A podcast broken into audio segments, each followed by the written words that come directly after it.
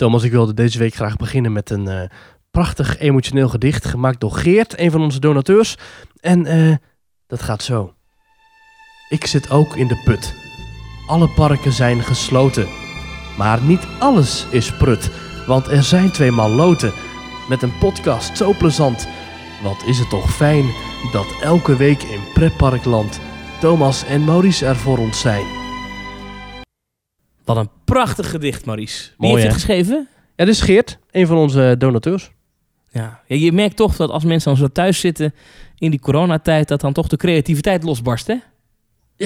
Ja, zeker. Jij heeft het wel over iedere week en een aflevering. Maar goed, omdat het, ja, het is allemaal wat, wat chaotisch en wat Ja. drukker. Allemaal ook bij, ons, eh, ook bij onze levens. Maar het is weer gelukt. Deze week hebben we weer een nieuwe aflevering van Team Talk. Ja. Ik heb ook een, ik heb ook een eh, gedichtje geschreven. Oh. Eh, ik ga hem even voordragen. Viooltjes zijn blauw, rozen zijn rood.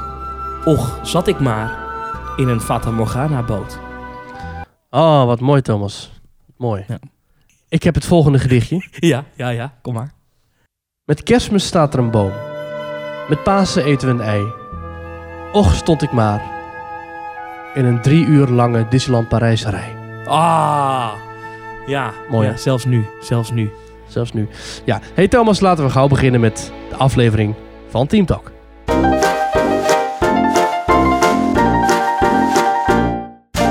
Aflevering 118 van Team Talk van woensdag 22 april 2020. Van harte welkom bij de Nederlandse podcast over gesloten pretparken en themaparken. Jeetje. Ik ben Thomas van Groningen. En ik ben Maurice de Zeeuw. En deze week ja, mijmeren we nog maar eens een beetje verder over die gesloten pretparken. Eh, Oh, jee, het begint allemaal op te drogen, allemaal, overal. het wordt nu wel, ja... Ja, ja, op het moment dat je dit hoort, dan is er een persconferentie geweest. Waarin al een en ander is aangekondigd rondom de, eh, de maatregelen die in Nederland worden genomen naar aanleiding van het virus. Ja, Ja. wat dat voor gevolgen gaat hebben op de pretparkwereld, dat kunnen we sowieso nu al niet zeggen. Maar ik denk ook niet direct na de persconferentie. Want de pretparken moeten eerst nog even zelf een, een plan de campagne samenstellen. Of in ieder geval een plan de campagne uitkiezen. Want ik neem aan dat Nou. parken achter de schermen al wel allerlei draaiboeken hebben klaar liggen. Ja, maar ik neem aan dat er ook vanavond nog niet duidelijk wordt wanneer er eventueel weer pretparken open kunnen. eh, maar ook niet in de komende dagen. Ehm, Nou ja, wij nemen dit op op dinsdag, dus hè, 21 april. Ja. En eh, ja, het enige wat we nu kunnen doen, Thomas, is toch maar de, de, de hoop hoog houden. Hoe heet dat? De, de moed hoog houden. De neus eh, de lucht in, bos vooruit en rug recht. En ja. genieten van het lekkere weer. Ja, kijk, weet je, eh, het is nu eh, al even gaande. En, en, en de, de, de vraag is een beetje als de horeca weer open gaat. Ik denk dat Ja. je dan pas eh, weer kan gaan kijken naar, naar pretparken. En het is toch een buitencategorie. Hè? Er wordt ook wel gesproken over dierentuinen die graag open willen. Musea die graag weer open willen. Nou ja, ja tegen die tijd gaan we het ergens een keer horen. Maar ik verwacht het op de korte termijn toch echt niet hoor, Maurice. Eh, Ja. Ja. Denk je dat de horeca een, eh, een voorbode is van de, de themaparken? Ja, dat denk ik wel. Ik denk wel dat als de, als de restaurants en de kroegen en eh, dat soort zaken weer gewoon open mogen, ja, dan denk dat de pretparken uiteindelijk ook wel open mogen uiteindelijk. Kijk, het is wel zo dat de pretparken, eh, heb ik vorige keer al gezegd, formeel eh, staat er in heel die noodverordening die toen in heel Nederland is ingevoerd, eh, staat niks over pretparken. Dus in theorie zouden ze volgens mij gewoon de deur open kunnen gooien. Dat doen ze natuurlijk niet. Maar ja, dat wordt heel lastig met anderhalve meter afstand houden. ja, precies. Maar eh, ja, nou ja, die anderhalve meter moeten ze sowieso gaan regelen. Eh, Dat moet sowieso. Dat doen, dat doen horecabedrijven ook. Hè. Er was een testopstelling van Loetje. Ken je Loetje? Nee? Dat is een restaurant waar je eh, heel lekkere biefstuk kan eten. Die hadden al een testopstelling gemaakt ergens in Nederland. eh, met, met van hoe een restaurant eruit zou zien in de anderhalve meter wereld. En dan hadden ze dus bijvoorbeeld Mhm. tafels waar dan een tafeltje naast staat. Eh, en daar Ja. zet dan de bediening het op. En dan moet je als de bediening weg is zelf dan je eten pakken. En Zelf was- van, van tafel pakken. ja, en er was overal anderhalf meter afstand tussen. Ja, weet je, zoiets. Ja, dan moet je al die restaurants en al die parken ook gaan ombouwen. Hè. Dan moet de Efteling echt flink wat veranderen. Want ik zit even te denken aan een aantal van die horecalocaties. Ehm bijvoorbeeld eh, de Steenbok. Dat krijgt natuurlijk een andere naam eh, straks. Als het park weer Ja, open is. Vooral Boltes, Koegen, Ja, Koegen ik vind daar de, de rijen binnen of Kugen. altijd heel krap. Toch? Ja, dat is een beetje op elkaar gepropt inderdaad eh, als kippen in een hokje. Nou, Om moet het je, maar eventjes eh, in het thema te houden. Moet je dat eens met anderhalve meter gaan doen? Dus daar zullen ze iets van een hekje moeten gaan bouwen. Nou ja, natuurlijk de wachtrijen van attracties zelf. Nee, daar hebben we het vorige Ja, keer uitgebreid over gehad. Maar Ja, het is maar het hele idee dat anderhalve meter afstand houden in een pretpark überhaupt een rendabel eh, verdienmodel zou zijn, dat, dat is al niet... Dat, kijk, een pretpark is gebouwd op massa. Zo'n attractie moet er 1000, 1500, 2000 mensen per uur doorheen stouwen. Ja. Hoe je dat ook went of keert, dat lukt niet met een anderhalve meter maatschappij. En natuurlijk zijn er, tickets verkocht worden. precies, en natuurlijk zijn er dagen dat een pretpark eh, niet druk is. Die zijn er genoeg en die zijn er in elk park. Alleen, die zijn er niet in zulke mate dat het niet meer rendabel is om open te gaan. Maar als je van tevoren al moet zeggen, nee ja, sorry, bij 500 mensen zit ons park vol. Of 5000 of 10.000 of weet ik het wat. Mhm. Dan, dan verlies je gewoon heel die marge. Want een pretpark verdient niet aan de eerste 100 mensen die door een park lopen. Een pretpark verdient geld aan de laatste 100 mensen die het park binnenlopen. Ja, Om het maar eventjes eh, ja, economisch te stellen. Die, die eerste duizend man, dan heb je misschien net het personeel van die dag terugverdiend. maar is toch even terug naar het eh, alle begin. Maar mo- moet ik toch nog even aan jou vragen wat jou deze week is opgevallen in pretparkland? Of slaan we dat maar ja, gewoon wat mij over? is opgevallen in pretparkland is... eh hmm, ja, goede vraag. Normaal is er natuurlijk van alles te noemen. Nou, er is misschien wel één leuk verhaal. Er is iemand in, eh, in Disneyland is over het hek gesprongen. in Disneyland Anaheim. Eh, Ja. ik, ik, ik citeer eventjes eh, WDW-NT, de, eh, de Amerikaanse clickbait site over Disney nieuws. Eh, dat in de buurt van de construction site van Avengers Campus... dat daar iemand over het hek is gesprongen... en dat hij daar items or equipment zou hebben willen stelen van de construction site... volgens de Anaheim Police Department. Ehm, en dat is dus het eerste geval van iemand die inbreekt in een pretpark... terwijl de pretparken gesloten zijn. Ja. Ik, ik ben Ja. wel benieuwd of dit nou meer of minder is dan eerst. Is het, kijk, pretparken zijn natuurlijk altijd, staan allemaal in de spotlights. Hè. Hoe vaak hebben we wel niet hè, stoere filmpjes van, weet ik wat, eh, Stuk TV of andere kansloos YouTubers gezien die dan midden in de nacht inbreken in een pretpark. Hè. We hebben het eigenlijk in elk park in Nederland en België wel gezien. Ja. Eh, dat is natuurlijk interessant zolang de parken open zijn. Want als een park dicht is, ik, ik denk dat de meeste parken nog wel een beveiliging actief hebben. Maar is het, is het dan alsnog eer aan te behalen? Of, of zijn er dan juist meer mensen die zouden willen inbreken in een pretpark? Want dan is het helemaal Nou, voor jezelf. Zo, sowieso dat dat gebeurt. Ja. Sowieso. Want, want kijk, ehm, eh, deze man wilde, naar alle waarschijnlijkheid begreep ik wel, bouwmaterialen jatten. Hè? Van, een, eh, van de bouwplaats van de Avengers Campus. Ja, hij had over het hek gesprongen bij Disney California Adventure. En inderdaad, het het was om 11 uur s avonds. Dus Precies. dat is dan sowieso niet echt meer een tijdstip dat je een... eh, Het is gewoon een heel boef. veel- dus, heel veel hè? actie Het kunt beleven. Het is gewoon een Nee. boef. het is gewoon een boef. Gewoon een boef. en die boeven heb je ook. En ik weet zeker dat bij de Efteling ook boeven zijn nu. Eh, tuurlijk. Het is, het is leeg, het is verlaten. eh, er valt misschien wel het een en ander te jatten. Ja. Tuurlijk zijn er boeven bij pretpark. Nou, dat is ook overigens een... eh, De grote het namen hebben echt nog wel eh, beveiliging op dit moment hoor. Ik denk dat de beveiliging actiever is dan ooit. Juist, nee, maar, maar zijn er de dus ook boeven. Er zijn er ook boeven. Ja, zeker. Eh, eh, overigens was er bij Disneyland Parijs ook al een man opgepakt. Oh, dat heb ik even gemist. Eh, ja, ook al iemand die, eh, die daar het park eh, binnen probeerde te komen. Ja, dat was iemand ja. die iedereen probeerde te bestelen van al zijn geld. Maar dat bleek uiteindelijk gewoon de directie zelf te zijn. Nee, nee, nee, het, was, het was een van de Fransoos die dacht, ik ga een rondje wandelen. En die liep in één keer in Disneyland. En had, had hij kwaad in de zin of niet? Dat kon ik niet opmaken. Het was een Frans berichtje. Mijn Frans is niet zo goed. Maar Ah, ik zag in ieder geval dat er iemand was opgepakt die eh, liep op terrein van Disney waar hij niet mocht zijn. Ja. En ik begreep het Disneyland Park. Er stond in ieder ook een foto van het kasteel bij, maar dat zegt natuurlijk niks. Nee, als het foto uit het kasteel in Parijs was, dan is het al heel wat. Ja, nee, dat, dat was wel het juiste kasteel. Oh, Ehm, het valt me Ja. serieus niet tegen. Ik bedoel, normaal Nee, gesproken nee, nee. als de mainstream media bericht over pretparken, dan staat er een foto bij van eh, Slot Loevestein of zo. ja, ach. Nou, als we ons dan toch aan het concept gaan houden, Thomas, is er jou nog iets opgevallen in pretparkland deze week?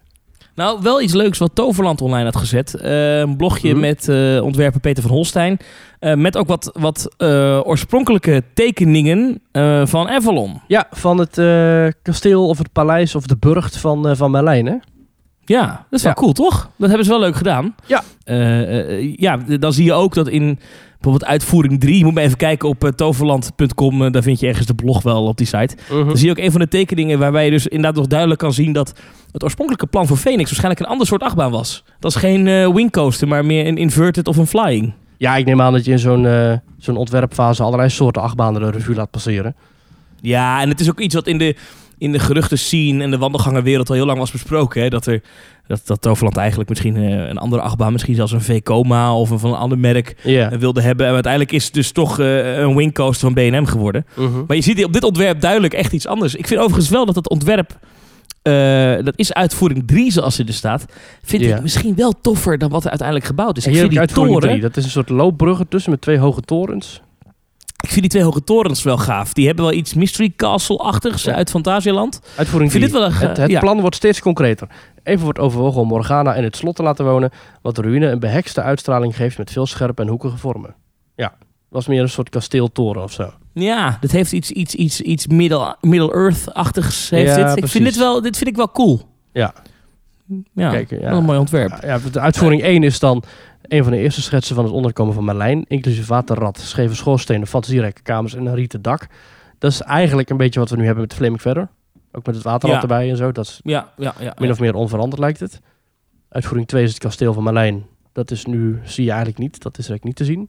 Ja, dat, komt dat, daar de- dat, dat vind ik wel een gemis. Ik denk namelijk dat ze dat misschien beter wel hadden kunnen doen. Denk ik. Een kasteel. Als je, ja, als je nu echt een kasteel bouwen, dat Ja. is...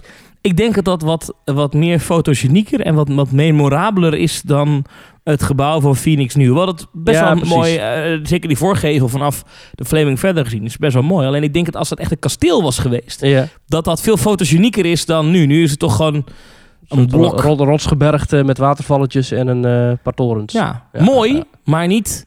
Het is geen, eh, het is geen weenie, zoals ze dat bij Disney zouden noemen. Dat heeft bijvoorbeeld wel die, eh, die, die natuurlijk, die, dat, dat eh, ehm, nou vergeet ik de naam altijd van, die, ehm, die vuurtoren in eh Port. Laguna. Solaris, ja. Ja. De, de Solaris-administratie. Ja. Eh, maar daar, daar, maar dat is echt een weenie. Weet je, die zie je, dat is echt Ja. een herkenbaar ding. Als je dat op foto's zet, oké, dat is Toverland. En dat heeft misschien het gebouw van Phoenix wat minder. Vriend van ons, eh, Mark, eh, ook af en toe Mhm. co-host in deze podcast, die eh, is afgelopen week ook gewoon naar Toverland gereden om eens een rondje te rijden rondom het park en te kijken. En ook van andere mensen hoor ik dat s'avonds blijkbaar die vuurtoren ook gewoon aanstaat, het licht. Oh ja? Grappig. Ja, Geestig. het is wel grappig dat ze dat dan toch wel aan laten staan. Maar ik vind het wel leuk. Of het is Eh, gewoon eh, inge- ingeprogrammeerd ooit een keer en zeggen ze ja, oké, is goed. En dan... Ja, ja, ja, dat zou dat gewoon Ja. aan blijven staan. Gewoon een, een tijdklok. Ja. Eh, maar het is wel echt leuk, leuk inkijkje in, in hoe het ontwerpenproces is gegaan. Dan moet Ja. je even checken dus op de site van Toverland. Wat ik nog even één dingetje wat me dan opviel. Ja, ik ga, ik, normaal gesproken zou ik het niet zo gauw doen. Maar waar ik me dan wel weer een beetje aan erger... Mhm. is... eh, ehm, dit staat op de website van Toverland. Maar als je alleen loopings leest... dan is het net alsof Peter van Holstein een interview aan loopings heeft gegeven. Ja. ja, dat, Ja. eh, je moet iets hè, als, eh, als alles dicht is. Ja, ik vind dat wel een beetje eh, contentstelerij. Vind ik altijd een beetje... eh, als ik heel eerlijk ben. Ja, op, op internet ruw mag alles hè. Ja, het is een soort van rumachje, hè? Ja, grijs gebied zeggen ze dan. Grijs gebied. Het is ook een hele grijze site. Eh Maurice, waar gaan we naartoe als we zeg maar, dingen willen weten over Team Talk op sociale media? Ja, dat is onze Twitterpagina. eh Theme Talk NL. Dat is denk ik wel ons meest actieve sociale media account. Waarop Ja. we elke dag wel tweets plaatsen of retweeten of eh, foto's tweeten of whatever. Zeker. Eh, vanuit Pretpark Land. En dat is eh, twitter.com slash themetalknl. Maar dat is niet de enige pagina die we hebben op social media. We hebben ook nog Instagram, waarbij we als we de parken weer in mogen... foto's kunnen plaatsen van pretparken. Misschien moeten we eens een keertje een rondje aan de buitenkant doen van een pretpark. En dan gewoon een, een hekreportage. Gewoon, gewoon hekken van de Efteling of zo. Heb, je- heb je dat wel eens gedaan vroeger, zo'n hekmeeting? Bij pretparken, als er iets werd gebouwd? Ja, ja, ja, ja. Ik zit even te denken wat het ook weer was. Ik heb wel eens bij de Eh. bouw van eh, Joris en de Draak... een keertje bij het hek gestaan. Ja, dat, toen had- dat was het, ja. En toen had Erwin Taats had daar een, een podcastaflevering van Ochtend in Pretparkland over gemaakt. En dacht ik, oh, dat is ook, ook wel lachen eigenlijk. Dan ga je gewoon, als het park dicht is, gewoon in de avond, als alles wordt gebouwd in het park. Hè, Joris en de Draak staat best wel aan de rand van het park. Dus je kunt de bouw redelijk goed volgen. En dan worden er op een gegeven moment ook gewoon testrondjes gemaakt. Of er worden treinen op de baan getild. Andere volgorde. Of eh, überhaupt het, het bouwen van de baan. En dat is wel een... eh, toch, hoewel je toch niet in een park bent, is het wel the next best thing. En eigenlijk is het nu het enige wat er is, een hackmeeting. Want ja, het park Ja. zelf kunnen we niet in. Eh, je kan ons ook financieel steunen op petje.af Oh ja, slash ja. Eh, daar kan je een maandelijkse donatie doen eh, voor de podcast. Niet verplicht. De podcast is in principe gratis. Daar vind je binnenkort, we hadden het eerder al aangekondigd, heeft wat vertraging, maar daar vind je bonus content. We hebben een tijdje geleden aangekondigd dat wij de pubquiz van vorig jaar online gaan zetten. Die gaan we nog steeds online zetten. Is wat vertraging ingekomen, want dat vergt best wel wat opnametijd en planning. En we hebben het eigenlijk best wel heel erg druk nu met al het nieuws en al het gedoe. Dus, maar het komt eraan. Deze Ja. maand willen we het nog online hebben. Dus eh, meld je snel er- aan via petje.af slash themetalk. Het komt er zeker aan. En eh, nou, als je daar ook lid wordt, dan eh, kom je bijvoorbeeld in onze befaamde WhatsApp-groep. Ja, Nou, daar word je zeker in. Hartstikke gezellig. die staat echt niet. Petje.af slash themetalk. En daar zijn weer nieuwe mensen die zich hebben aangemeld. Ja. Zoals Jordi de Grauw, Justin, Patrick Klein-Meuleman en Marcel Kleinman. Applaus. Dank u. Dank u, Nou, dank u, dank goed. u, dank u. Ehm, en straks uiteraard ook nog daar berichten van. Ja. En over en in en op en onder en noem maar op. En achter Zou ik zeggen. En achter. en omheen. En omheen, precies. Ja. Ehm, Maurice, even iets anders. Ja. Ehm, heb jij thuis al geprobeerd om pretparkvoedsel na te maken? Nou, ik ben wel bezig met eh, eh, wat, wat, wat culinairder te koken dan normaal. Hè? Dus ik, ik ben afgelopen, afgelopen week heb ik wat geprobeerd met een, een pannenkoek met geplette walnoten en honing erin. Want ik Ja. vind dat wel typisch zo'n zo'n pretpark gerechtje dat dan zo op de kaart staat als seizoenspannenkoek of zo. En ik wil binnenkort het eh Dole ijs gaan maken. Dole Dat je- Whip. Ja. Dat is, een, dat is ergens een, eh, volgens mij blog Mickey of zo. In ieder geval Disney zelf heeft dat bericht gedeeld van de befaamde Dole Whip. Dat is een, eh, een ijsje bestaande uit softijs van ananas en ananassap. En dat is dan de Dole Whip Float. En de Dole Whip Float die kun je bestellen in Walt Disney World in de Magic Kingdom. In Walt Disney World in een hotel. De Polynesian, geloof ik. En in Disneyland Anaheim in eh, Adventureland. Dat is volgens mij de enige locatie in dat resort waar je dat kan krijgen. Dus er zijn eigenlijk maar drie plekken volgens mij ter wereld waar je het officieel kunt krijgen. De Dole Whip. De Disney Dole Whip. Maar je kunt het zelf ook maken. En dat gaat zo. Je hebt nodig vanilleijs, ananasblokjes en ananassap. En wat je eigenlijk doet, je gooit het vanilleijs en eh, het roomijs dus en het, eh, de ananasblokjes gooi je in de blender. En dan heb je eigenlijk al heel makkelijk het, het, het, het ijs zelf. En als je daar dan weer ananassap overheen gooit, dan heb je je eigen dolwip. Het lijkt wel lekker. Ik heb Ja. daar wel zin in. Ja. Ik, heb daar wel, ik heb daar wel echt behoefte aan, kan ik je vertellen. Gewoon wel, even lekker zo'n eh, zo'n Disney snack. Ik heb ook ja, gewoon echt ook wel behoefte aan de kip nuggets van Walt Disney World. Ja, ja. Eh, de friet van de Efteling. Dat klinkt heel stom wat ik nou zeg, maar eh, ik, Is, is toch een speciale smaak, hè? ja, nou, ik, ik eet toch best wel regelmatig frietjes. Durf ik wat te zeggen. Ehm, maar er is geen friet zoals die van de Efteling. Dat is gewoon Nee. zo. Ja, jammer, hè? Smulpaap, friet, ik, dat, Ja. dat vind je gewoon nergens. Weet, weet je wat ik ook heb gedaan afgelopen week in de keuken? Dat Nou? is een, eh een pizzabodem zelf maken. En daar kun je Ja. dan eigenlijk ook je eigen pretparkpizza van maken. Want eh, bijvoorbeeld in Fantasieland heb je ook van die grote pizza's die ze dan verkopen op de hoek daarboven bij Alt Berlin. Ja. En daar zit toch altijd een speciale smaak aan. Je kunt proberen nu met je eigen pizzadeeg. Hè. Die kun je gewoon bij de Jumbo kopen of bij de Albert Heijn. Ja. Dan pak je met pizzameel, hoef je alleen maar water bij te doen en olie. Nou, en dan eh, deeg uitslaan, een beetje een rondje draaien. En dan voel je toch zomaar even een echte pretpark pizza bakken. Ja, ja, ja, ja, ja. Ja, dan kan je toch een beetje het pretparkgevoel in huis halen.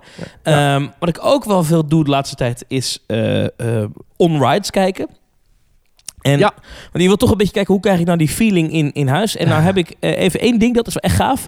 Ehm, ik heb hem nu niet meer, maar ik had dus hier een Oculus Rift. Dat is zo'n VR-bril. Oh. En dan heb ik gewoon VR on-rides gekeken. Er zijn heel veel mensen, moet wel Mhm. zeggen, met name van de Amerikaanse Disneyparken viel mij op. eh, gewoon 360, 4K eh, beeldmateriaal van eh, attracties. En ik heb gewoon thuis hier op de bank in Splash Mountain gezeten. Oh. In Expedition Everest. En dan als je met een koptelefoon erbij doet. En het is ook nog eens een keer in Een sommige gevallen... ventilator. Sommige, ja, in sommige gevallen met stereogeluid opgenomen. Nou, dan, is Mhm. echt, dan heb je echt wel even een, een, een experience, zeg maar, die wel doet denken aan hoe het is in die parken. Dus mocht je iemand kennen met een VR-bril thuis, eh, vraag even of je die kan lenen, even goed ontsmetten, want dat is natuurlijk wel heel corona-gevoelig. Ja. Eh, maar dan, dan, dan heb je wel een soort van eh, experience die, ehm, die enigszins het gevoel van een pretpark naar huis brengt. Los van Ja. eten en drinken wat je kan namaken. Laat me even weten trouwens wanneer die dolwip, of, dat, of dat wat is. Dan ga ik het ook nog wel even, even proberen. ja, hoppakee. Eh, iets anders wat natuurlijk kan. Als je die van Disneyland Prijs wil namaken, Ja. want die verkoopt eigenlijk niet de echte officiële Dole Whip. Die verkoopt namelijk Dan moet je de ananas. ingrediënten bij de Lidl halen. Nee, dan moet je de ingrediënten vervangen. Dan moet je namelijk het ananas softijs moet je eigenlijk vervangen door vanille softijs. En dan Ah, heb ja. je dus vanille softijs met ananassap. En dat is wat ze in Disneyland Prijs verkopen. En vind ik stiekem net iets lekkerder. Ja. Moet ik niet altijd hardop zeggen, want dat is een beetje slecht voor mijn image. Nee, nee, nee, maar dat geeft niks. Nee. Dat geeft Nee. niks. We Eh, zitten in een WhatsApp groepje met andere pretpark podcast. En eh, Michiel Veenstra van Details stuurde een foto van hoe hij uit een grote plastic beker zijn eigen zelfgemaakte Dole Whip nam. Nou, dat zag er toch verdraaid lekker uit. Ehm, ja, en zo kan je toch een beetje je pretpark naar, eh, naar huis halen. Want het gaat nog En, wel en, even en, en, duren. en, ja? over on-ride gesproken. ja. Als je kijkt op on-slides, dat zijn dus on-ride filmpjes van glijbanen uit waterparken. dat is ook wel lekker hoor. En dan een beetje water in gezicht gooien. Precies, ja. Dan moet je gewoon even aan iemand vragen om af en toe wat water in je gezicht te gooien of even je gezicht te spugen. En dan heb je, een, eh, heb je gewoon een on-slide. Dit is ook wel gaaf. En als je dan ook zo'n Oculus, Oculus Rift opzet. Heet dat echt een onslide? Daar heb ik nog nooit van gehoord. Ja, ik weet niet of het zo heet, maar dat lijkt mij een goede naam ervoor. Ja. Ja. En, en wat me ook opviel, dat er dus bijna geen on-slides te vinden zijn van die hoge glijbaan in, eh, in Volcano Bay van Universal. Je hebt dus dat zo'n klapluik, zeg maar, zo'n valluik. Daar ben ja, je ja, fan ja. van, hè? Nee, daar hou ik niet van. Dat vind ik eng. Heb je dat ooit gedaan of helemaal nee, nooit? nooit, nooit. Nee. Oké, oké. Ja, dit is de Kookiri Body Plunge in eh, Volcano Bay. En die is dus 125 feet hoog. En dat is eh, 38 meter. Eh, en daar zijn eigenlijk geen on-slides van te vinden. Dus ik denk dat ze daar heel erg streng controleren op mensen met een... eh, eh, met met zo'n zo'n camera, zo'n GoPro of zo. Dat mag daar waarschijnlijk absoluut niet. Nee, precies. hey, even naar de Walt Disney Company. Ja. Die nog steeds stilstaan. Ja, er was een, iemand had zo'n mooi tabelletje gemaakt met hoeveel dagen alles dicht is. Ik was heel, heel erg, heel Oh, ja. Oh, Ja. dat echt gewoon, dat gewoon meer dan 80 dagen we al niet naar Shanghai kunnen. Ja, niet dat, dat we er anders hadden gezeten hoor. anders was ik er gisteren goed, naartoe gegaan. Zo is het ook, er Maurice. Nou, vorig jaar zat ik er hè. Het is een jaar geleden dat ik er zat. Ja, In Shanghai en Hongkong. en toen eh, mensen met mondkapjes gezien. Ja, uiteraard. Maar goed, dat zie je altijd in, eh, in China. Er lopen altijd mensen met Heb je mondkapjes. toen heel vaak je handen gewassen ook? Ja, maar of dat nou zo'n slim idee is daar met het kraanwater... eh, Oh ja, is dat vies Nee, ja. Nou, nou, ik vond het op zich wel aardig schoon hoor. Ik had wel af en toe dat je als je buiten loopt door zo'n straatje, dat je af en toe wel dacht van, oké, ik loop door een of andere soort open keuken. Maar verder, eh, nee, ik vond het best wel een hygiënisch land. En dan de enige mensen die ik dan zou kunnen beschuldigen van onhygiënisch bedrag, dat was dan toch wel echt de oudere garde, om het zo te noemen. Die dan echt gewoon rochelend en kuchend eh, over straat liep. Ja. En hier zo'n tabelletje dat Shanghai Disney Resort is dan nu bijna 90 dagen dicht. Hongkong bijna, ja, ook bijna 90, is één dag minder dicht. Tokio ook al ruim 50 dagen. Disneyland Anaheim 37 dagen. Disneyland Parijs 37 dagen. Hm. Walt Disney World 35 dagen. Ja. Ja, dit gaat de boeken in, dames en heren. Dit gaat de boek in, ja. En dit heeft natuurlijk voor zo'n bedrijf enorme gevolgen. En eh, nou ja, we hadden dus Bob Chapek was de nieuwe CEO. Eh, Mhm. Maar toen kwam meneer Iger, die dan toch weer eh, de boel eigenlijk aan het runnen was, zei de New York Times. Wat is er nou precies aan de hand? Ja, dat was nog een heel gedoe met Bob Chapek inderdaad. Die was net aangesteld als nieuwe CEO, eigenlijk de grote baas van Disney. En toen kwam corona en toen zei Bob Iger, dus de voormalige topman, oké, ik zal het wel weer even oppakken. Tenminste, daar leek het een beetje op naar de buitenwereld. Het zal natuurlijk niet zo gegaan zijn. Ja, wij weten hier ook niet het fijne van en dat weet eigenlijk niemand. Maar mocht je hier nou echt een in-depth discussie over willen horen, zeker even een aanrader om te luisteren naar Details, de pretpark podcast over Disneyparken wereldwijd. En die hebben hier een, eh, een, een lange conversatie over. Heel interessant en ik ben ook heel erg benieuwd wat dit nu bijvoorbeeld voor zijn carrière bij Disney gaat betekenen. Wordt hij nou dadelijk echt de kortstzittende CEO van Disney ooit? Of komt hij zo meteen na de crisis weer terug? Ja, het lijkt me heel lastig gaan? als je ergens begint aan een nieuwe baan en dat dan stront aan de knikker is. En het is niet zomaar een baan, hè. het is de leider van Nee. een bedrijf. En dat Ja. dan stront aan de knikker is en dat je dan eventjes nog even een stapje terug moet doen.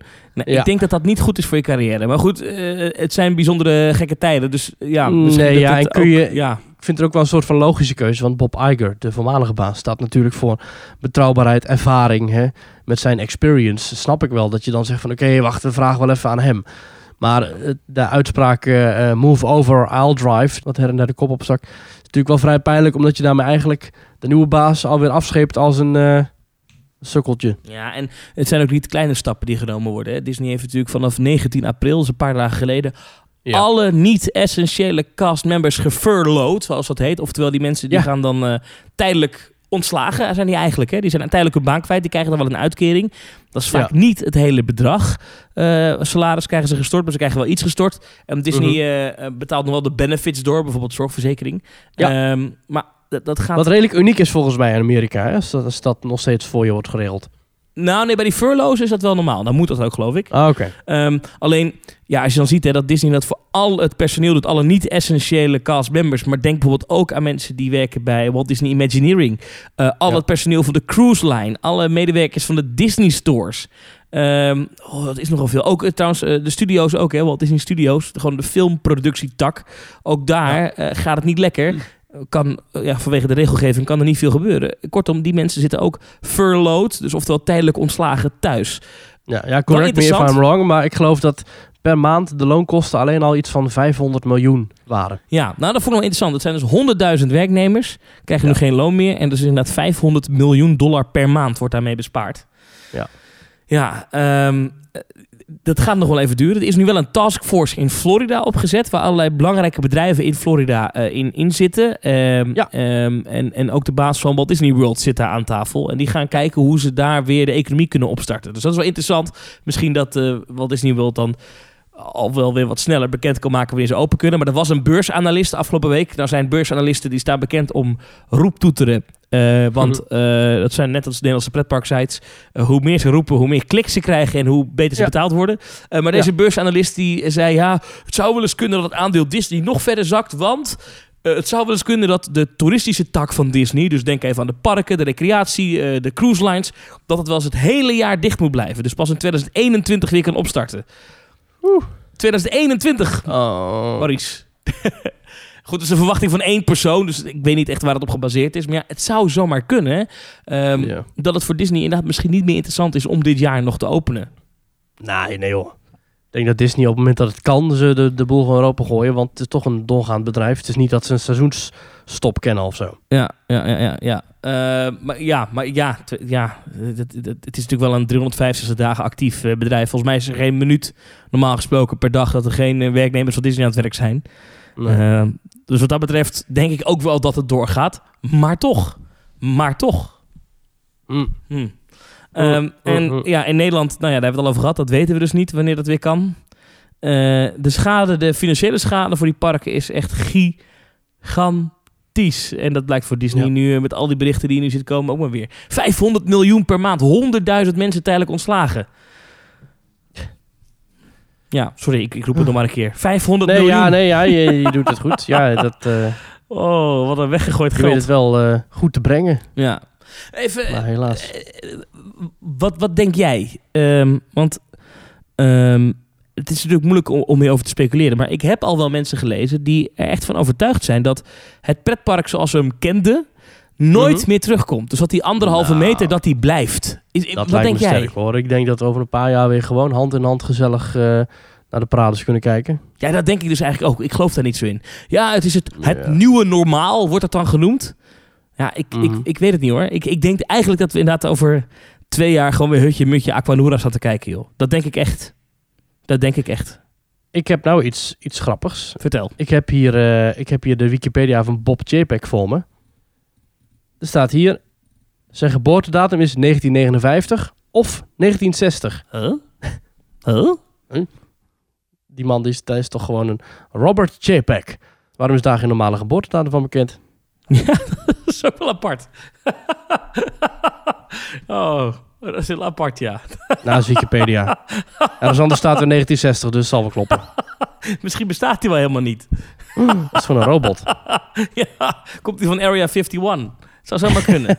nee, ik zit nou wel heel erg veel eh, de streaming te kijken natuurlijk. Films en dingen. Ja, ja. Ehm, en dat is wel iets, een leuk tipje aan de sluier dat ik kan oplichten. Er Mhm. komt binnenkort een, een soort van thema-podcast aan. Ehm, Ja. Niet met jou, maar met iemand anders. Ik ga nog niet zeggen wie. Ehm, en dan ga ik een uur Mhm. lang, of langer of korter, dat weet ik nog niet. Maar in ieder geval een- in die podcast praten over eh, mijn fascinatie voor Tolkien. Aha, Dat is een schrijver, bekend van boeken als The Hobbit zeker. en The Lord of the Rings. En Ja. eh, fantastische films. En ik heb die films allemaal weer een keer bekeken. Ik heb weer een paar boeken gelezen.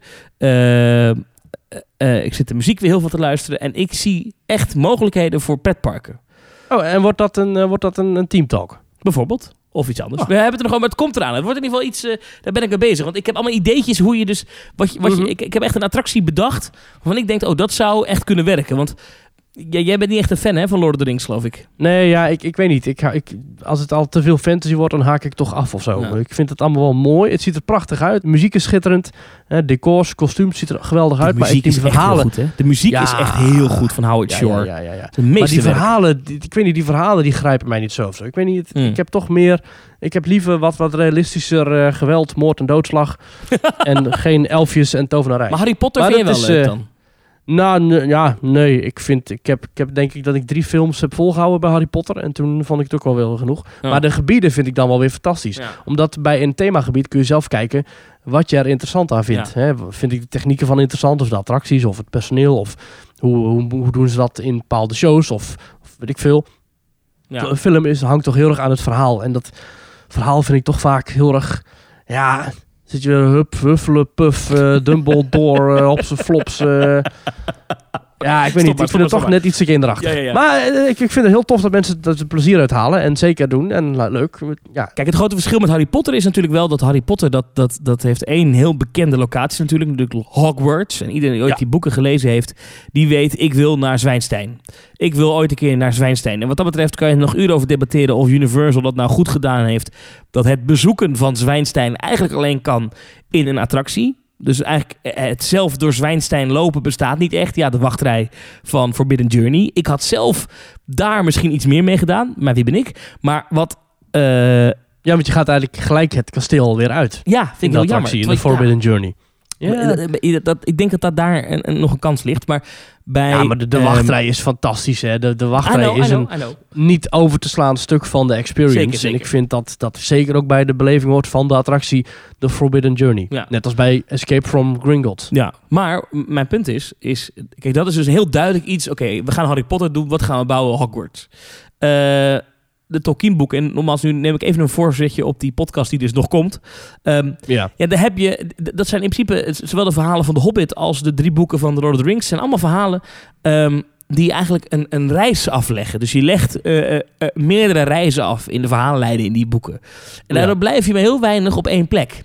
Eh er springt natuurlijk één plek heel erg uit. De Shire, de Gauw. En die ronde... Dat die, dat, eh, die soort katapult met een oog erin. Nee, de- Shire is, eh, is, is zeg maar de, de, de, eh, ja, de, de, de Hobbit-grotten. Nee, niet grotten. De, de gaten Oh. in de grond waar de, waar de Hobbits wonen. Nou ja, Oh, wacht. Ik heb het dan over Mordor, denk ik. Jij hebt het over Mordor, ja. ja. Ja, Jij hebt het over het, het oog van Sauron. Nou ja, goed. Daar komen we allemaal nog over te spreken in een andere podcast. Maar ik denk, Zeker. dat, ik denk dat die, die Shire, dat, dat, dat springt er het meeste uit misschien voor een pretpark. Maar daar heb ik hele theorieën over hoe je dat zou kunnen doen.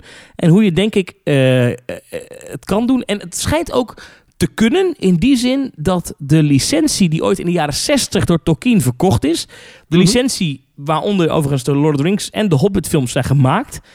Ehm, daarin, dat heb ik uitgezocht, zou in theorie iets met een pretpark ook kunnen. Zou kunnen. Allemaal in die podcast binnenkort. Aha. Aha. Ja. Ja, want Hoe zat heel- het met copyright-regels? Hoe bedoel je met copyrightregels? Eh, Na hoeveel jaar na de dood van de oorspronkelijke schrijver vervallen die copyright-regels? Want ik Tolkien is overleden in 1973. Ja, hij is al heel lang dood, maar zijn kinderen... Er, is Dus- het, er bestaat zoiets als de Tolkien Estate. Ja. Eh, is ook echt Oh. een bedrijf opgericht die beheren die filmrechten. En die beheren ook de poen.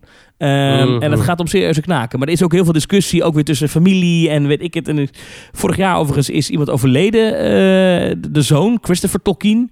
Mhm. Ehm, dus het heeft ook nog allerlei gevolgen gehad. Die was heel erg tegen de films bijvoorbeeld. Maar ja, hij kon er niks aan doen Oh. dat zijn vader Ja. in de jaren 60 de rechten had verkocht. Ehm, Ja. Maar hij vond de films te, te, te commercieel en te actiebelust en zo. Maar goed, Mhm. nu zitten we die podcast alweer eh, te doen. Die, die later Ja, nog precies. moet komen. Maar maar eh, binnenkort dus eh, Tolkien Talk met Thomas. En Tolkien Talk! Tolkien Ja. Talk! Ja, dat vind ik een goede naam. Die Ja, vind ik leuk. ja. en, een, en een anonieme gast. En een andere Ja, op dat moment is hij niet meer anoniem Nee, natuurlijk. dan niet meer. Dan niet meer. Ehm, en verder, ja, weet je, ik zit even te kijken of we gewoon nog pretparknieuws in Nederland. Ik, ik hou alle persberichten in de gaten. Mhm. Ehm, maar het is... Ik denk dat wij morgen, dus als je het luistert vandaag, Mhm. nog heel veel gaan horen van alle pretparken. Eh, want die gaan deze week, eh, neem ik aan, hun, hun plannen eh, aanscherpen of bijstellen of uitschrijven of whatever. Dus ik neem aan dat we daar de komende dagen meer over gaan horen. Maar tot die tijd is het dus ja, afwachten en duimen draaien en quarantaine gerechtjes gaan maken. En luisteren naar de vragen van onze luisteraars. Want we krijgen regelmatig wat vragen binnen. Zo ook van onze petje.afnemers. Jij hebt ze voor je, Thomas. Hey, Thomas en Maurice stuurt Jordi de Grauw. Hij zegt bedankt voor alle leuke afleveringen. Helemaal in deze tijd is het fijn om te zien als er een nieuwe aflevering online is. Ga zo door, zegt hij. Mijn vraag Ja. aan jullie is... Wat is jullie favoriete hotel slash resort bij een pretpark in Europa en waarom? Ah.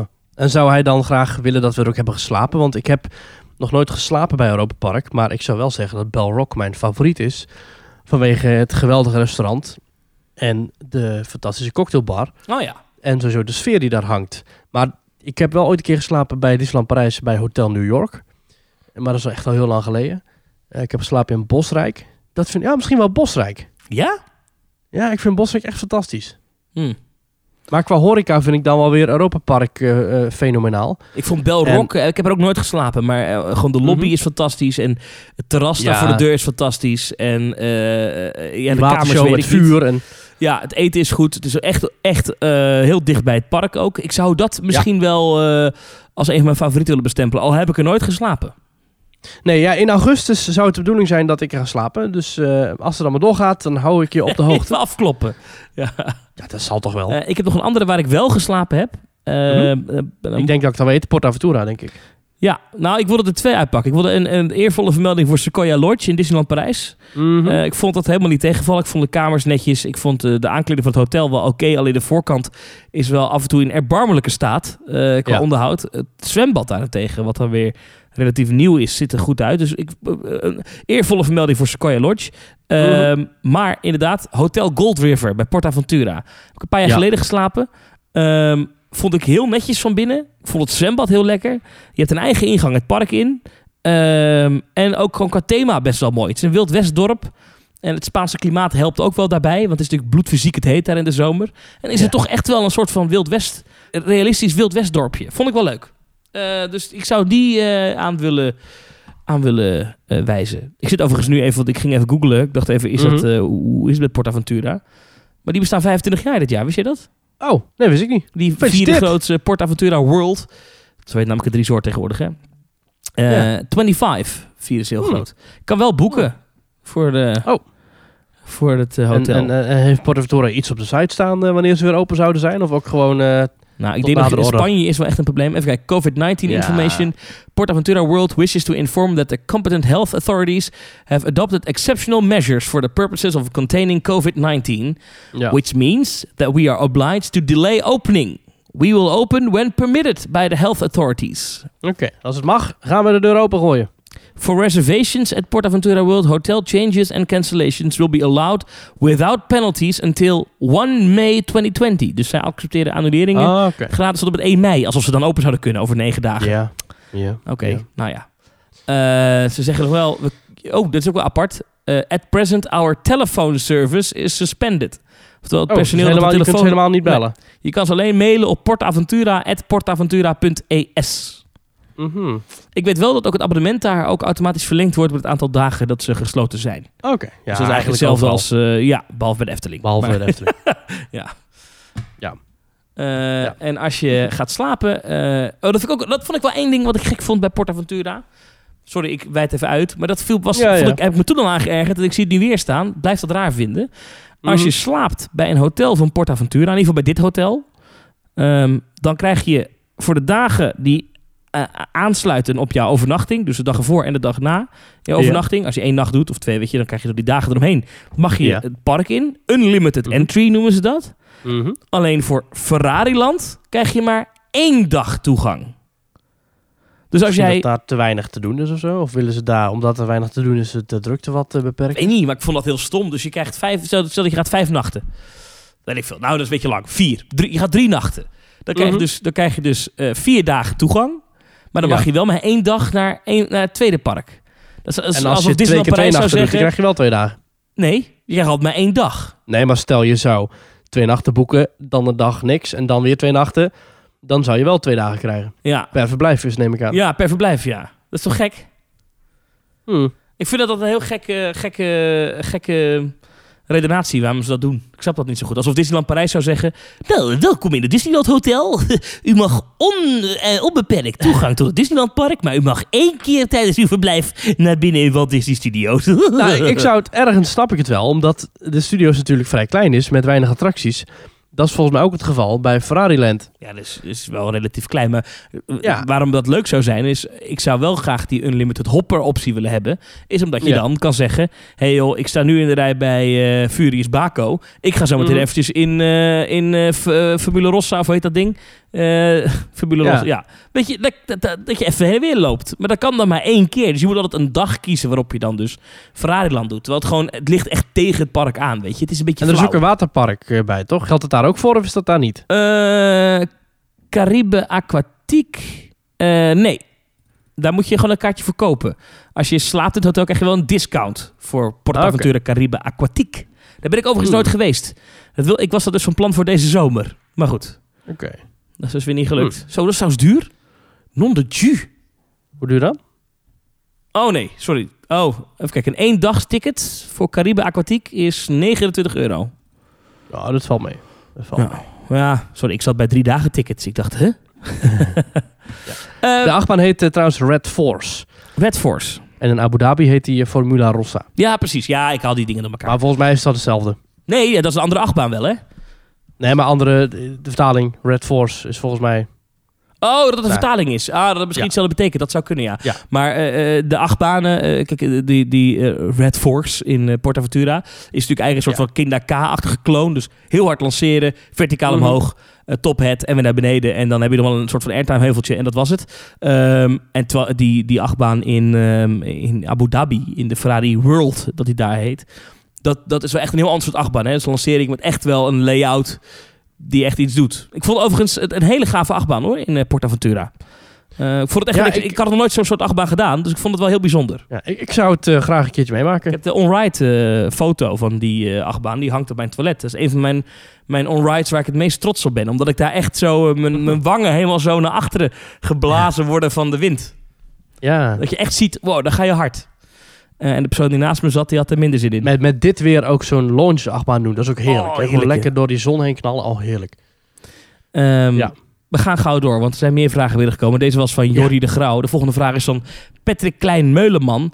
Die stuurt ons twee jaar terug. Zijn jullie een keer bij ons, Team Trapped, langs geweest om de escape room te spelen? Waar we daarna nog flink gebabbeld hebben. Ondertussen zijn we bezig met een online escape game die heet Unsolved Mystery.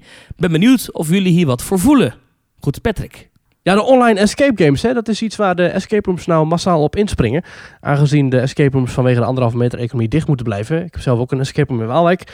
Wij moeten ook dicht. Maar er zijn natuurlijk allerlei initiatieven om een, eh, toch een escape beleving thuis op te starten. Ja, heel tof. Ik, ik heb er zelf nog geen gespeeld. Maar het is wel iets wat eh, zeker wel de revue gaat passeren, denk ik.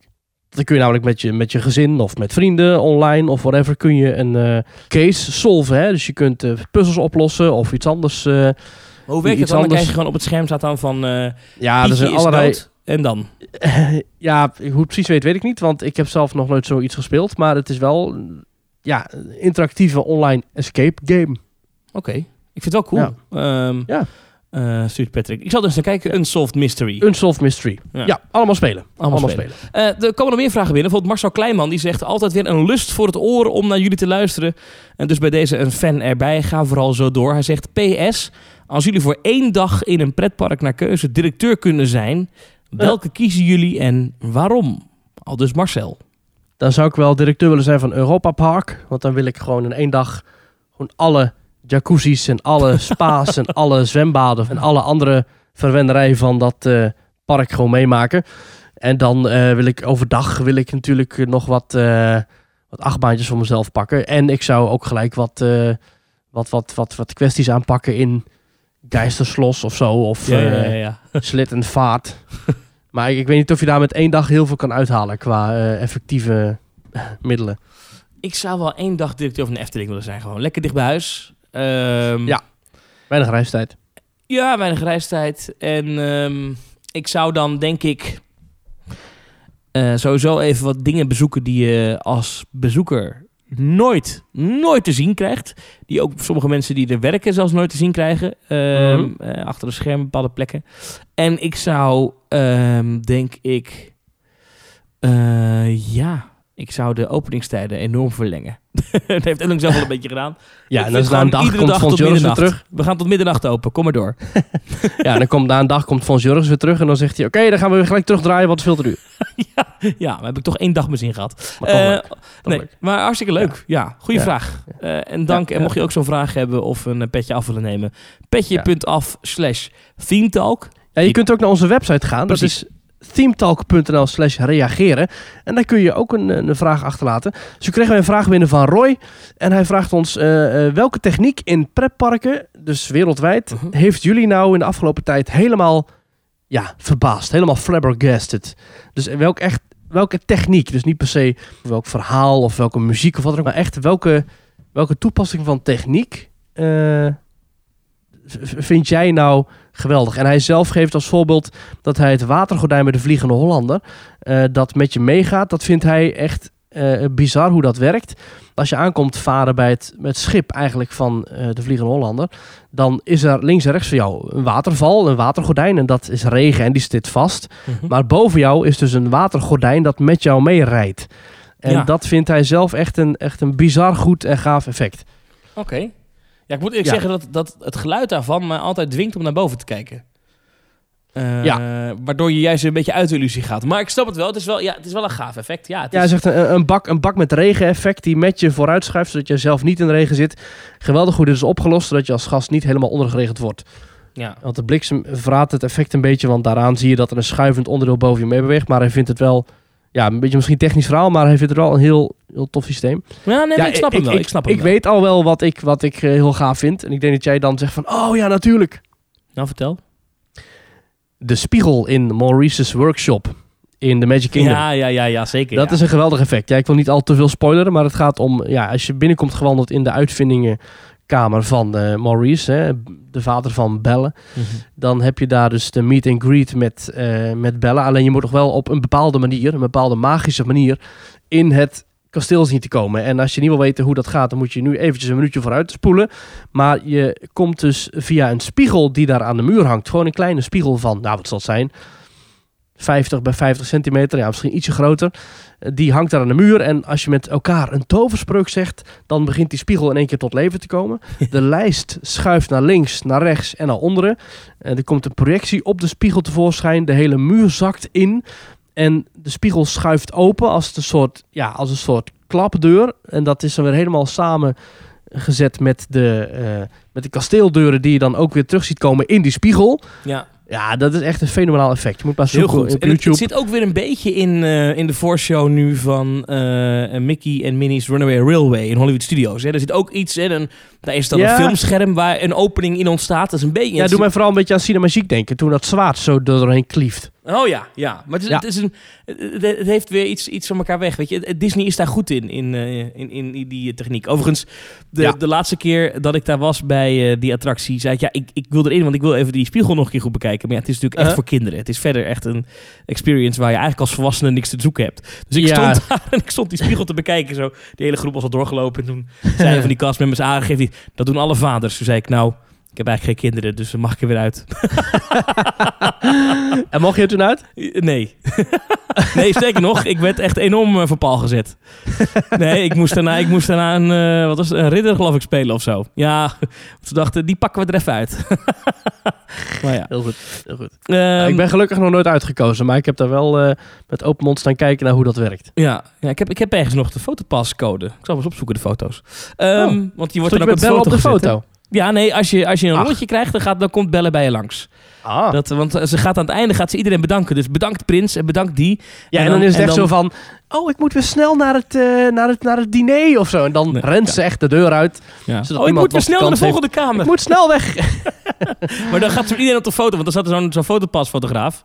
Die, die eh, Ja. maakt van, iedereen een foto. Het is overigens een, Ja. een, een sublieme attractie. En ik denk overigens wel dat, eh, nu we het er toch over hebben, dat zo'n soort experience, hè, dus eh, binnenkomen in een kasteel, ehm, Ja. en dat je daar echt een één op één ontmoeting hebt met een, een figuur. In dit geval is het dus Mhm. bellen. Ik denk Ja. dat dat voor de Efteling ook zou werken. Ik denk dat een, zeker eh, bijvoorbeeld een rood kapje. Mhm. eh, of misschien een assenpoester of een doornroosje. Dat dat heel goed past in de Efteling, in zo'n setting. Misschien gewoon echt in het Sprookjesbos ook. Dat je echt naar binnen gaat en dat het echt een real-life persoon is. Kost een hoop geld, hè? Ja. Maar ik denk dat je daar ook heel veel aan kan verdienen. Eh, aan de verkoop van foto's, maar ook aan de verkoop van merchandise. Ja, ik zit te denken, de, de enige beleving die je nu hebt in de Nederlandse pretparken is de, eh, de Magistralis Magic Store in Toverland. Waar je echt een één op één showtje krijgt van een acteur. Ik bedoel, een, een lid van de familie Magistralis.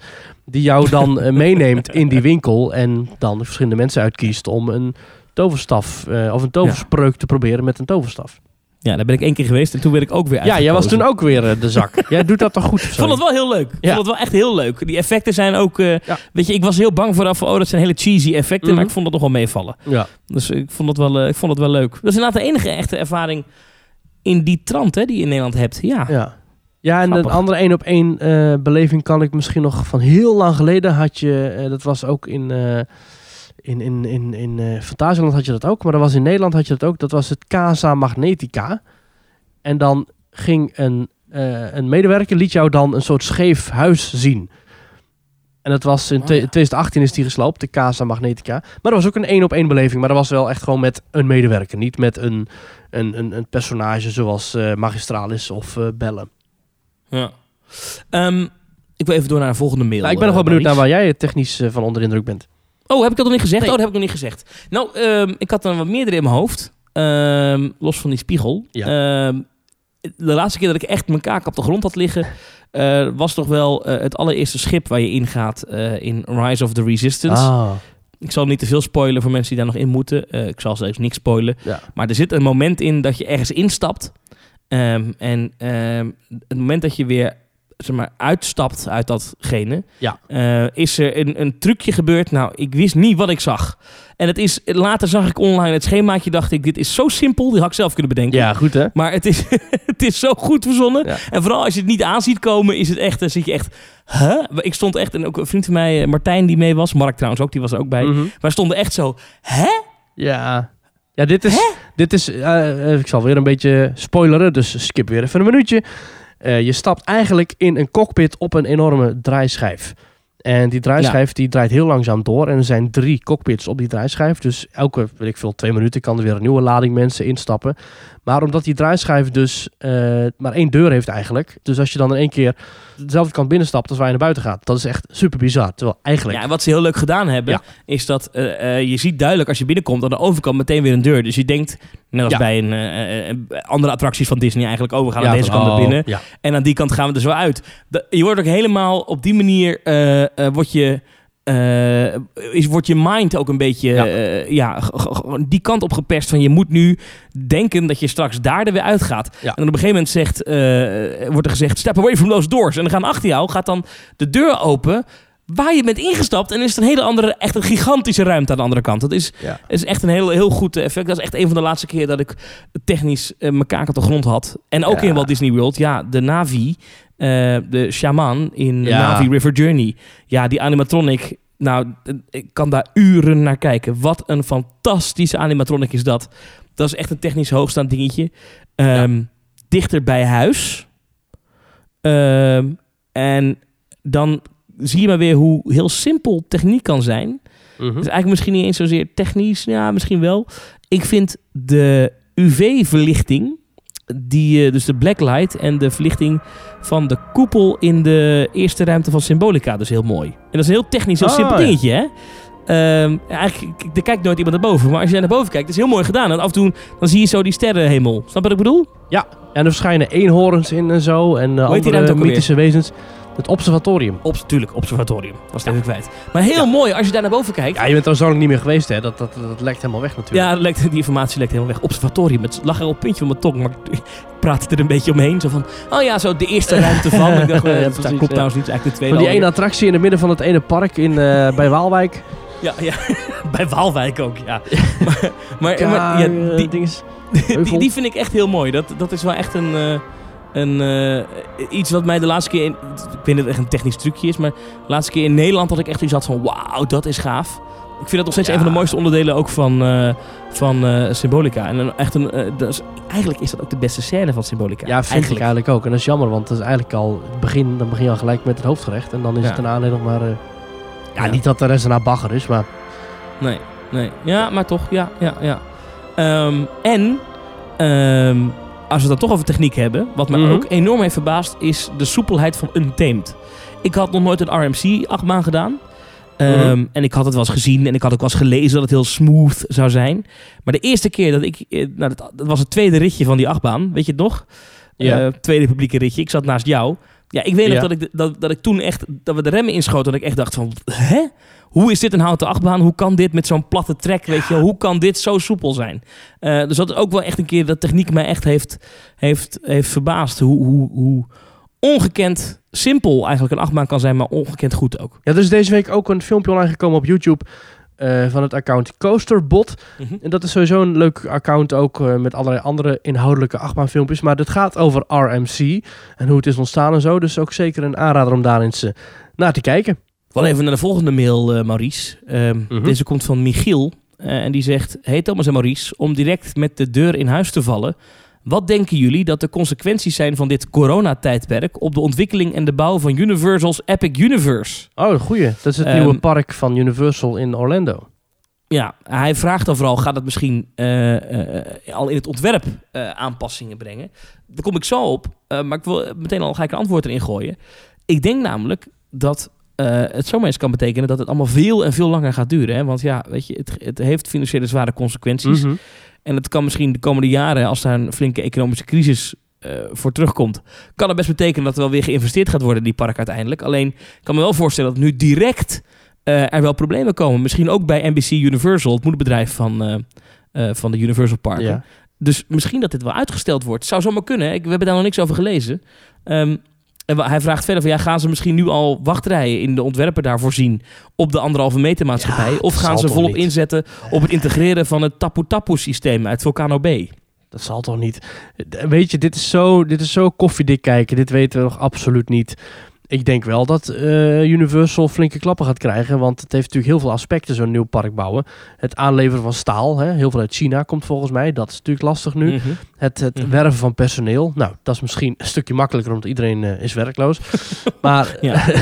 Ik lach, maar is helemaal niet grappig. Nee. Maar ja, Ja, dat is echt hilarisch. Ehm, hey, mensen in de goot. Eh, en ook het, het budget, wat normaal gesproken natuurlijk al, al redelijk variabel is, komt helemaal op losse schroeven te staan. Dus ik ben benieuwd Ja. of, of hè, want is- ik weet niet hoeveel spades er al de grond in zijn gegaan voor Epic Universe. Ik weet dat er voor een nieuw park van Universal in Beijing eh, zijn ze al heel ver. Ja. Ehm, daar zijn ze ook al bezig met dat, met dat themagebied van eh, Mario. Maar in Orlando is er volgens mij nog niet echt iets concreets eh, gebeurd. Nee, er is nog niet echt iets verticaal gegaan Nee. daar. Ehm, ja, ik, ik weet niet of ze echt ontwerpen meteen aanpassen op die anderhalve meter maatschappij. Want het is ook nog maar zo kort hè, dat we het daarover hebben, over de Ja. anderhalve meter wereld. Dat hebben we ook maar eens een paar weken dat we dat, dat, we dat, dat we dat onder ons hebben. Ik zag wel bijvoorbeeld, dat is wel interessant hè, een attractie als, ehm, eh, als Millennium Falcon Smuggler's Run. Mhm. Waarbij je in een hele kleine ruimte zit. Waarbij Ja. ehm, iedere paar minuten een nieuwe groep mensen aan allerlei knopjes zit. Ja. Ehm, of wat denk je van Mission Space in Epcot? Mhm. Ehm, ja, hoe gaat dat er straks uitzien? Hè? Kan dat wel, zo'n attractie in die anderhalf meter wereld? Vooral Mission Space, daar zit je echt helemaal in. Daar komt dingen komen echt heel dichtbij je. Ja, als daar iemand heeft zitten hoesten met corona, Ja. ja, dan- ben je klaar, hè? Overigens nog Dan een, je- eh, dan, eh, ja. wat mij ook wel opviel in het nieuws. En in Amerika heeft iedereen het altijd over de Six Feet Society. Hè? Dus Six Feet eh, afstand houden van elkaar. Ja. Wij hier in Europa spreken over de anderhalve meter economie. Ja. Nu is het verschil tussen 6 feet, is 1,82 meter, en anderhalve meter is toch 32 centimeter. Ik vind het toch een behoorlijke flinke marge. Is dat omdat de mensen in Amerika misschien ook wat, eh, nou ja, flinker zijn, dat ze daar 6 feet aan houden? Want anders was, anders was 5 feet, was ook goed geweest, toch? ja, geen idee. Ja, dat is, Want 5 feet is 1,52 meter. Er is sowieso veel verschil. Hè? Waar ze in Amerika allemaal eh, bij winkels bijvoorbeeld zeggen... je mag alleen naar binnen als je een mondkapje draagt. Ja. Eh, wordt er in Nederland heel actief gezegd... geen mondkapjes. Nee, ja. Ja. Oh, Ja. Deze wereld. Het is een aparte wereld. Zullen we nog één vraag doen? Ja. Ik pak er nog even één bij. Deze is van eh, Danielle. En Danielle zegt, hoi Thomas en Maurice. Allereerst ben ik blij dat jullie nog steeds iedere week een podcast maken. Ja, Ja. nou bijna iedere week. Ja, want omdat het zo druk hadden, dus werd dat nu, ja, is het wat opgeschoven. En de dagen vloeien ook in elkaar over. En dinsdag lijkt een donderdag en zondag lijkt een woensdag. Maar Maar we zijn er vanaf nu gewoon weer iedere week. ja, we proberen het zo snel mogelijk. Ja, ik weet niet of we dat kunnen beloven, Thomas. Hè? Misschien dat, dat ik dadelijk wel in het ziekenhuis lig. Nou, semi-beloofd. Enigszins beloofd. je weet maar nooit. We, we, we proberen het te doen. Ja. Corona houdt de hele wereld in zijn greep, schrijft Danielle. En het gaat ook nog wel even duren voordat we weer op de ouderwetse manier naar een pretpark kunnen. Ja. En haar vraag is, als pretparken weer open mogen met allerlei maatregelen, gaan jullie dan meteen een bezoek brengen? Persoonlijk zou ik namelijk nog even wachten om toch even te kijken hoe deze maatregelen uitpakken. Maar ik hoor graag hoe jullie erover denken. Groetjes Danielle. Nou, ik, denk dat ik namens eh, Maurice ook kan spreken. Nee, sorry, doe jij maar. Doe jij maar. Nou, ik, eh, op het moment dat het weer mag, dan ren ik gelijk naar het eerste beste pretpark toe. Ik, eh, Ja, ik ook. ja, ik eh, weet je, ik ben jong en gezond en ik, ik, ja, ik ga ervan uit dat er allemaal niks aan de hand is als het weer mag. Ik ga ervan uit dat de instanties en de bedrijven de, de voorschriften goed opvolgen. En dat als we weer open gaan, er alles aan doen om het veilig te houden. Ehm, ja, nee, ik, ik, eh, ik ben erbij hoor. Ik ga niet nog langer wachten dan strikt noodzakelijk. Ja. Living on the edge. Nou, ik vind dat niet eens living on the edge eigenlijk. Want ik vind dat gewoon, ja, als het er mag, dan mag het toch? Ik bedoel, ik ga, ook, ik ga ook niet 99 rijden op de weg waar je 100 mag. Dan rijd ik 104. Ja, dat mag ook trouwens, want dat is met correctie. Mag ook. Ehm, maar ja, kijk, ehm, als de Efteling open is, ben ik er. Tenzij de Efteling zegt, alleen mensen met een letter A in hun naam mogen komen. Oh nee, dat mag ook komen. Dan mag je ook komen. Maar met de letter Q wordt een hele rustige dag. De Q-dag wordt Wordt een hele rustige dag. Ja. Ja. Allemaal Quirines en Quintins. Nou goed, Ja, precies. eh, Maurice, ehm, we weten het niet. Nee. We gaan het zien. Ja. En ik zou zeggen, tot snel volgende week. Tot snel, Thomas. Tot volgende week. Sterkt allemaal. En eh, we houden vol. We zullen doorgaan. En niet vergeten, niets in je elleboog. Houd anderhalve meter afstand en blijf zoveel Ja. mogelijk binnen. Want hoe langer we dat doen en hoe beter we ons aan die regels houden, hoe eerder we weer naar een pretpark kunnen. Zo is het ook. Ja, zo is het. Zo is het. Zo is het. Maries, tot volgende week. Tot volgende week.